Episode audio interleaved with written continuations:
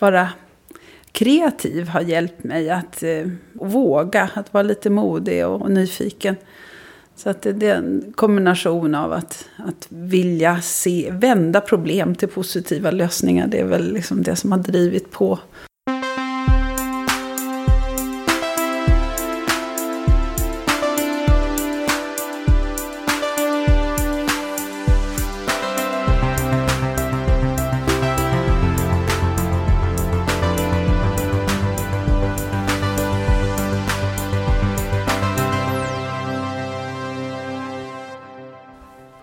Heja Framtiden är tillbaka. Det här är Christian von Essen. Vi är ute på språng igen. Idag är jag hos eh, Solvatten och eh, bolagets grundare Petra Wahlström. Välkommen till podden. Tack så mycket. Du är välkommen hit. Ja, tack. Det här är väldigt speciellt eftersom jag bor på, den här, på Roslagsgatan. Där vi sitter. Och vi blickar ut över mina barns skola. Och eh, allting liksom sammanfaller på ett väldigt vackert sätt här.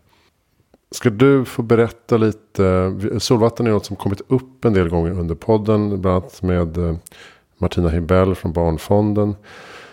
Men du kanske ska berätta lite kort vad solvatten är och gör. Ja, solvatten det är en, ett sätt att rena och värma vatten med hjälp av solen. Det är en, är en, en lösning som används i fattiga delen av världen. Där man inte har tillgång till rinnande rent och varmt vatten hemma. Så att det var en, en, jag såg problemet för många år sedan och, och tänkte att vem gör någonting åt det här och, och varför inte jag? Just det, och då kom du på den här lösningen då som ser ut lite som en stor eh, väska eller en förstärkare nästan. Som man häller smutsigt vatten i och så står den i solen och blir varm och eh, renar då genom elektriciteten. Ja, den renar med hjälp av UV-strålningen från solen och värmen. Det är en kombination. Och då tar man död på både virus och bakterier och eh, ja, parasiter. Allt som är skadligt som gör dig sjuk. Och vi kan väl backa lite för du är väl en sån här riktig uppfinnare egentligen. I grunden känns som. Eh, när jag eh, berättade för min dotter att jag skulle hit så sprang hon och hämtade den här svenska hjältinnor-boken och bläddrade fram. Och eh, läste vad du har liksom, uppfunnit tidigare. Var kommer det här ifrån eh, från början tror du? Jag tror att eh, det är väl, man är ju en, en, del av sin familj och sin mamma och pappa. Mamma konstnär, pappa eh, mm, miljökämpe på den tiden. Eh, och jag, jag, tror att, att just vara kreativ har hjälpt mig att eh, våga, att vara lite modig och, och nyfiken. Så att det, det, är en kombination av att, att vilja se, vända problem till positiva lösningar. Det är väl liksom det som har drivit på. Mm. Kan du lämna, nämna några saker du har eh, tagit fram genom åren? Ja, jag väl ganska ja, mycket lite udda saker. Men oftast är det ju då saker som kanske in, drabbar andra. Som eh, osnodden tog jag fram för att jag tänkte alla, alla äldre människor som blev bestulna med sina plånböcker utan att ens veta om det förrän de kom hem och såg att det var tomt i väskan och inga pengar kvar. Så där, eh, sådana sådana situationer har liksom triggat mig. Att, men hur kan man göra då för att lura ficktjuven? och, då, och då blev det, föddes osnodden. Eh, och det är en lösning. Så jag har tagit fram ett eh, bröstbandage som heter Opera för, för canceropererade kvinnor. Det var liksom ett problem både för de som blev opererade men också de som tog hand om dem och opererade på sjukhusen. Att det var svårt att bandagera. Mm. Och, och eh, besvärliga konsekvenser efteråt också med ödem som, eh, som plågsamt för, för de som är, är drabbade utav av eh, sjukdomen. Då tänkte jag, det här måste ju, vad finns det för något och vad kan, vad kan man göra och vad sitter problemet? Och så att liksom vända det där till att det blir någonting som, som funkar. Och det, det, det är det som sporrar vidare. Att, att hitta, hitta mer lösningar. Det låter ju som att du har eh, ett driv då att faktiskt eh, färdigställa också. Alltså få det att fungera praktiskt och liksom gå hela vägen. Det är inte alla som besitter det slutliga, slutliga liksom, um, sista steget. Och det var väl det som var spännande också till exempel med, med solvatten som började med små prototyper hemma eh, i Åkersberga trädgården. Att jag kunde sen testa det och fråga dem som hade problemet. Att de fick prova mina prototyper i, i Nepal och i Kenya. Och, och sen att vara lyhörd då till de som verkligen äger problemet. Att, att, jag, att man tar tillvara på det. Att man är liksom ödmjuk inför det. Att man inte kommer med en färdig lösning och serverar. Utan man, man ska se vem är det som har problemet och, och verkligen gå in i det. Och, och sen med en inlevelseförmåga tror jag att det behövs också. Att man kan, kan se från, från rätt håll. Det känns annars som, annars som att eh, många av de här lösningarna liksom trycks ner till eh, länder och folk som kanske inte har bett om dem. Kan det, kan det vara så? Så kan det vara. Och att, att de är kanske tekniskt avancerade som sen kräver någon teknisk assistent som kommer då och sköter om när, när pumpen inte funkar. Eller, och då står det där och då är man kanske inte ens, får man inte ens upp vatten om det är så. Att det, så det har vi ju sett många exempel på. Så jag tror att, att det här konstnärliga delen som jag har fått från min familj då. Det, det tror jag att just att skala av och göra eh, liksom funktionellt enkelt och inte försöka komplicera. Och det är väl där jag tror att det, det är lite udda det jag gör är att, att man liksom ja, försöka få fram enkelheten och tydligheten. Och när förstod du att eh, det här skulle bli en stor grej då? Just eh, solvatten. Nej, jag förstod inte att det skulle bli en stor grej. Men jag, jag såg ju behovet var enormt stort. Och jag fick min första push framåt. Det var nog en, den här eh, mikrobiologen på Norrvatten. Som, som testade min första prototyp. Och satte dit massa E. coli-bakterier. Och eh, kom fram med resultatet att det var alldeles rent vattnet. Och han sa det att Petra, det här är du får inte släppa det här. För han, ja, han sa att han var uppvuxen i, i Etiopien och hade levt med problemet orent vatten i, under sin uppväxt. Och att han sa att det här är en för viktig sak att släppa. Så att, att få, få det med sig gör ju att man liksom, nej, då, jag släpper inte det. Men sen att behovet är så enormt, det, det, är, ju, det är ju sorgligt att det är. Eh, och att, eh, men samtidigt så tycker jag att det jag är, glad att solvatten fungerar så bra och att det eh, gör så mycket nytta. Så att det, ja, det är fantastiskt faktiskt. Hur många liter eh, rent vatten får man på ett dygn av den här? Ja, det beror på om du är i ett soligt land. Och, och kan, du kan ju använda den flera gånger om dagen. Så i bästa fall, som i Mali, där solen lyste starkt och eh, de använder det uppåt fyra gånger om dagen. Men eh, det, det, är nog det är precis beroende på solsken. Och, mm. Eh, och sen, men att man kan tömma den och fylla på igen. Och många gånger så tänker man ju rent vatten, ja det, det är att dricka. Men rent vatten att tvätta sig, att beda, bada sin bebis, att, eh, att använda till matlagning, att tvätta ofta i att eh, liksom, använda som förvärmt vatten till matlagning. Det är ju enorma energivinster. Så där skapas ju liksom eh, en efterfrågan på grund av att det är så mycket sparande man kan göra. Just det, för vattnet är alltså väldigt varmt när det är renat då? Ja, det är varmt och, och eh, då som sagt kan man eh, sätta det i en termos eller så kan man använda det förvärmt för att mm, laga maten. går fortare och koka riset när man har redan varmt vatten att börja med. Men sen så blir, kan du använda det som, som, som te eller som ja, disk eller tvätt, tvätta dig.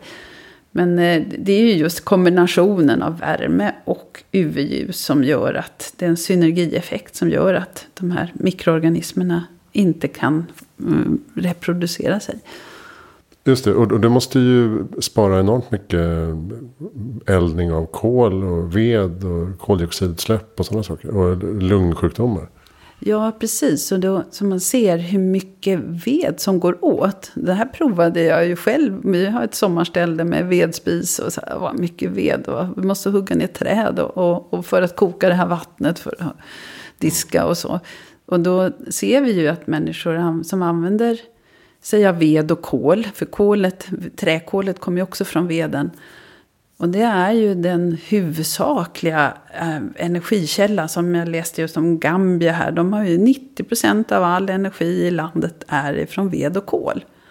Och då tänker man hur många träd som går åt. Så för en solvatten så kan vi låta ungefär, ja det beror på, med medelstora träd, 6-7 medelstora träd stå kvar och fortsätta växa. Och om man då räknar, det är en solvatten under ett år. Så kan man säga, hur många år lever solvatten? Ja, vi har sett den sju, åtta år på fält nu. Ja, då sparar man ju eh, kanske 50, 50 träd. Mm. Och då blir ju, om man räknar om det sen, eh, om, om det är 100 familjer som har solvatten, hur många hektar skog som, som får stå kvar. Och det är en jätteviktigt att få den insikten av, av att energin som solen kan då ge på det här viset eh, utan att gå om från el, elproduktion av solceller till exempel. Så är ju jätte, eh, borde användas ännu mer. Så jag hoppas den kan inspirera till mer solvärmeanvändning. Hur många enheter skulle säga finns ute nu på marknaden tänkte jag säga. Men... Mm ute i världen. Ja, vi har väl nästan 75 000 solvatten ute och används. Mm. Så det är ju över 400 000 människor som använder solvatten. Och det, där eh, i många länder, framförallt är det väl i, i söder om Sahara som vi har eh, större, största projekten. Men vi är även i Haiti och Timor-Leste och lite olika platser på jorden. Hur ser liksom um affärsmodellen ut om man säger så. Ehm, samarbetande med organisationer som hittar finansiering för att köpa in de här? Ja, främst har vi ju jobbat med företag som, som ser över sin, ehm, sina fotavtryck, klimatfotavtryck. Hur mycket leveranser, transporter eh, som, som sker hela tiden som de inte kan egentligen undvika för att få sina affärer att funka.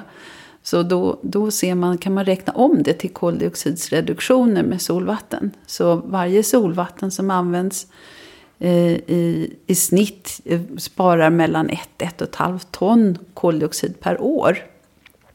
Så därför så är det ju ett sätt att ja, klimatkompensera eller man kan se till att det här kommer ut i de länder där, där man annars skulle använda ved och så, och så räkna på det.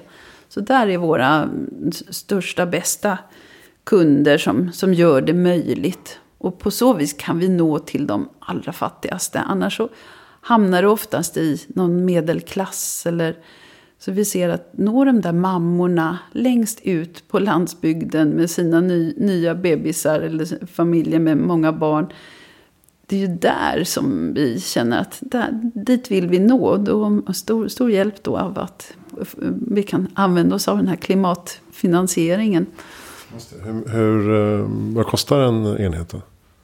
Ja, en enhet fram till plats. Vi brukar ju se det liksom med, med transporter och, och med, med, den hjälp vi har av de här organisationerna ut. Så det är ungefär 1000-1100 kronor för att komma fram hela vägen till exempel till Burkina Faso och ut i projekt där. Så att det, det är ju en, en viss summa som, som både för frakt och tillverkning men samtidigt också för att implementera och att få rapporter så vi kan följa. Så att vi liksom verkligen vet att den här används, den här är med, den här familjen har solvatten. Och så kan vi komma och besöka och se, används den och hur mycket använder de den och att man registrerar. Så det är en, det är en väldigt konkret uppföljning. Mm, är de uppkopplade? Ja, vi har ett system där vi har en, en, en, en app som vi då kan följa. De följer en sorts questionary. Och sen håller vi på att ta fram en digital indikator. För solvatten har en indikator som som visar när vattnet är rent. Eh, som slår om från en röd ledsen gubbe till en grön glad. Men den håller vi nu också på att utveckla en digital indikator som, som sparar data. Som kan se exakt hur många gånger värmen kommer upp och UV så att den slår om. Mm. Och då, på så vis kan man då räkna om hur många liter, kan man räkna om hur, hur mycket ved skulle man annars ha behövt för att nå den här volymen. Ja, Okej, okay. så man får en liten uh, gamification-aspekt uh, av det också Precis. på plats. Precis. Mm. Och så, så det, det är viktigt att, att, uh, att kunna följa och att veta att det verkligen sker en, en, en nytta. Men den nyttan är mycket större än ett sätt okay, att räkna koldioxidreduktioner. Men, men det, det stora är väl att se att hur mycket färre sjukdagar, att barnen kommer till skolan. Stora syster får också gå i skolan och inte vara hemma och sköta småsyskon som är sjuka. Mm. Mamman får mer tid. Eh, man, man sparar pengar för, som man annars köper kol för. Så att det, mm, det är de här sociala bitarna som gör det, det är mycket större, mycket viktigare projekt känner vi. Att det är, det är egentligen det viktigaste att, att se skillnaden. Att vi har gjort en, en studie med Uppsala lantbruksuniversitet som de tittar på social return of investment. Och då kom de fram till att en dollar investerad fick man 26 tillbaka med solvatten. Det är fantastiskt. Eh, men tusen kronor, jag trodde kanske 10 000. Ja, när vi försöker, men viktiga är som jag har sett det, vi, vi börjar med produktion och titta på olika länder. Och, men och att man skulle, med, med, det är ju en plastprodukt. Och då vill man ju säga att den här måste ju, den får inte släppa ifrån sig några farliga eh, kemikalier i vattnet. Den måste ju kunna återrecyclas. eh. Och den ska ju liksom hålla länge. Så den måste ju hålla åtminstone en barndom. Och det ser vi ju nu, det gör den. Men kvaliteten, att ha kvalitet för fattiga människor, det, det känns som att man hoppar ofta över det. Att man, det är mycket skrot som säljs och, och går sönder och sen så ligger det och ingen tar hand om det. Så jag är väldigt glad att, att, hålla, att, att kvaliteten håller så bra och att den är långsiktig. Mm.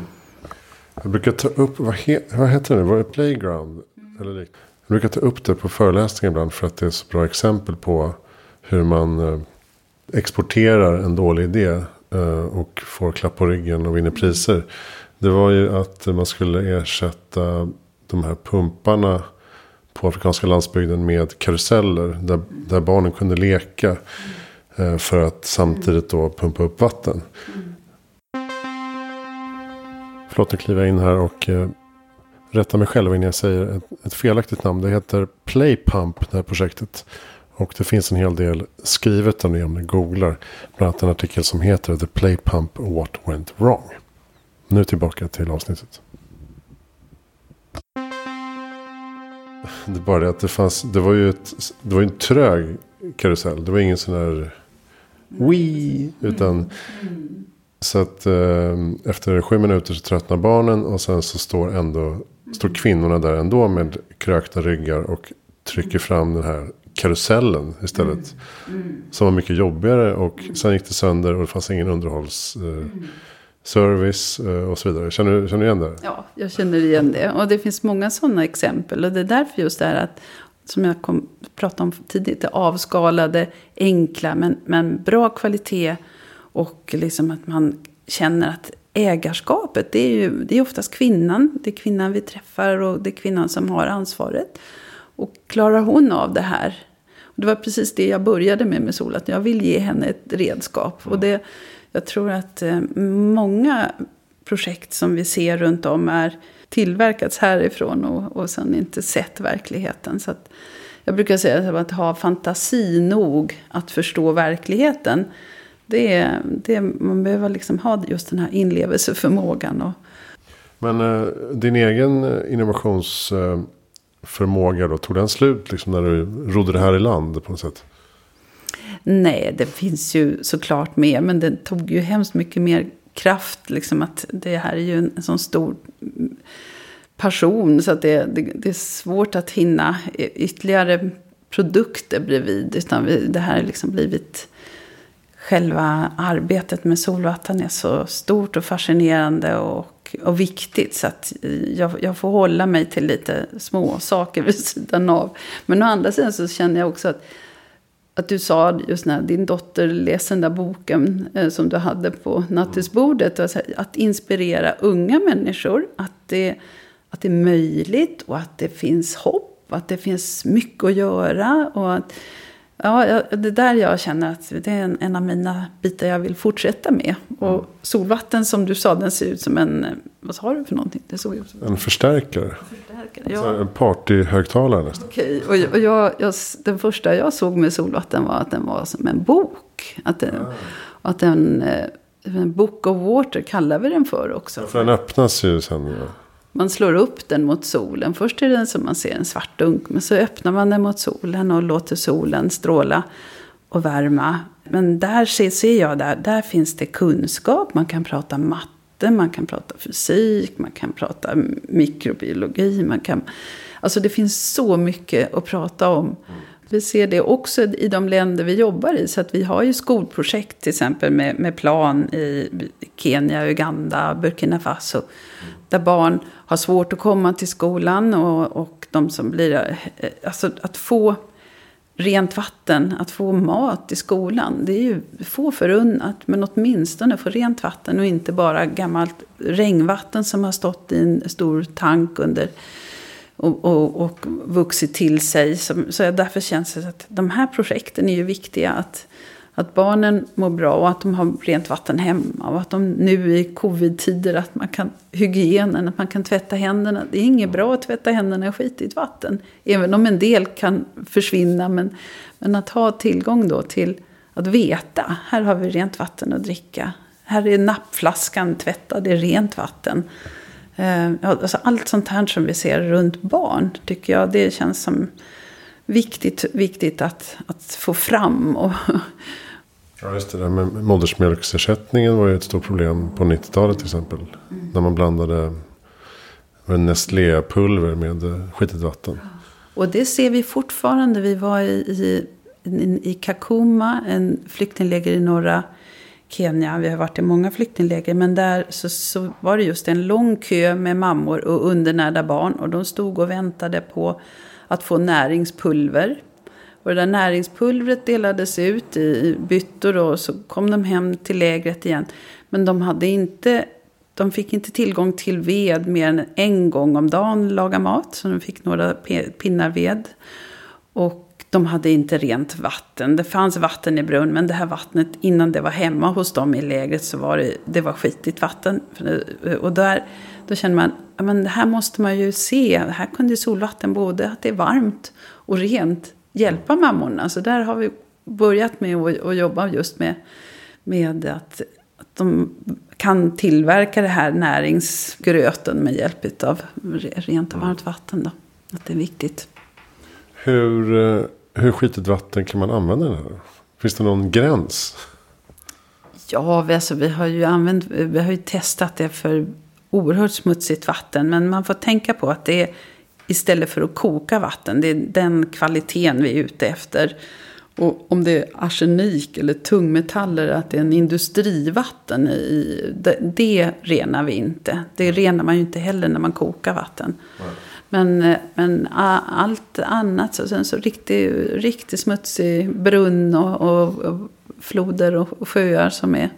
Och oftast är det ju fekalier, alltså mm, skit från, från djur och människor. Och där, eh, där är ju solen fantastiskt eh, duktig på att rena väldigt, väldigt smutsigt vatten. Ser det helt rent ut också, de häller ut det? det ser rent ut här, men tänk det kunde också vara eh, fyllt av, av parasiter, det här glaset. Så det, färgen är inte avgörande. Det, vi brukar råda folk att har du för grumligt vatten, låt vattnet stå först. Och det gör de av sig själv. Det är ingenting som vi behöver lära ut. Att man låter det sedimentera. Mm. Och sen är det ett litet filter på inloppet på solvatten. Där man minskar grumligheten. Mm. Så att man har en viss, viss rening i, med hjälp, att liksom minska grumligheten. Men det finns så väldigt mycket tradition hemma eh, hos folk. Som, just om det är för grumligt så låter man det stå. Eller man filtrerar genom tygstycken. Och...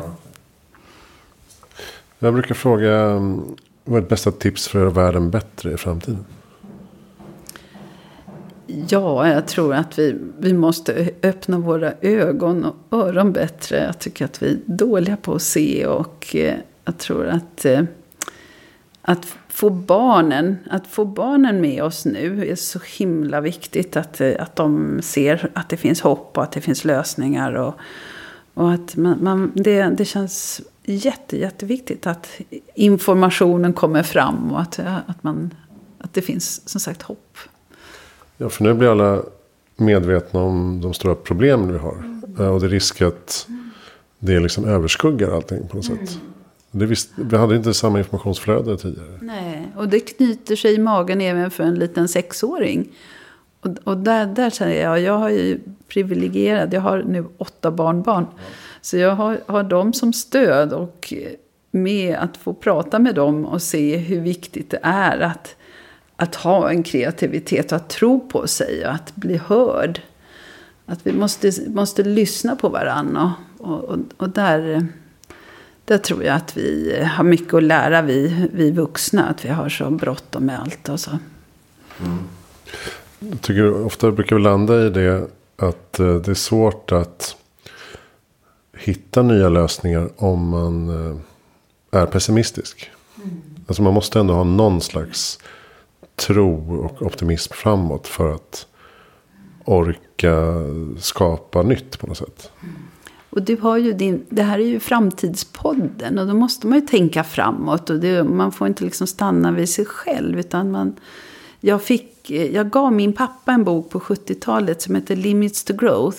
Mm. Som var liksom en start för miljörörelser. Och, och, och, där så var det, en av de första sidorna så var det en en graf där man såg hur folk brydde sig. Man brydde sig i tid och i, i människor. Att man brydde sig om sin familj och väldigt kort tid. Alltså man mm. tänkte första dagarna. Liksom. Men sen så, ju längre ut på, på de här axlarna man kom så hamnade man till slut längst upp där det liksom var nästa generation och i världen. Och i den lilla rutan där uppe så fanns det en prick, tror jag. Och resten, det var väldigt mycket svarta prickar där i början.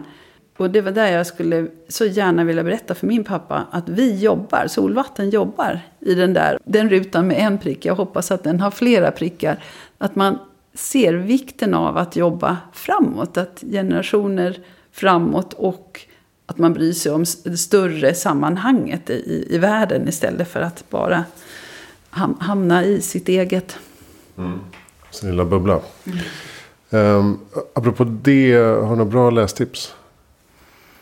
Ja, jag, jag, tycker att den här eh, boken av Rasmus Åkerblom, eh, Underverkligheten, den, den är härlig att läsa. Om du har eh, barn i familjen så mm. läs den gärna. Ja, men ska jag kolla upp. Um, vem tycker du att jag ska intervjua? Vem ska du intervjua? Ja, det finns väl må många som... Jag vill gärna att du intervjuar kanske någon, någon konstnär som, som jobbar på ett, något helt nytt. Jag har inte namn, men jag tror att du ska få söka runt bland, bland yngre konstnärer som jobbar med några, nya medier kanske och ser så att det, man kan fånga lite inspiration ifrån dem. Mm, det låter bra. Eh, tack snälla Petra Wadström för att jag fick komma hit till Solvatten. Fantastiskt trevligt. Tack så hemskt mycket att du kom. Och eh, vill ni lära mer om Solvatten så finns det massor att hämta på solvatten.org. Och där kan man också som företag eller privatperson gå in och sponsra och donera en sån här eh, solvattenlåda till eh, behövande. Allt du behöver veta om podden och föreläsningar och min bok finns på hejaframtiden.se. Jag heter Christian von Essen. Tack för att du lyssnar.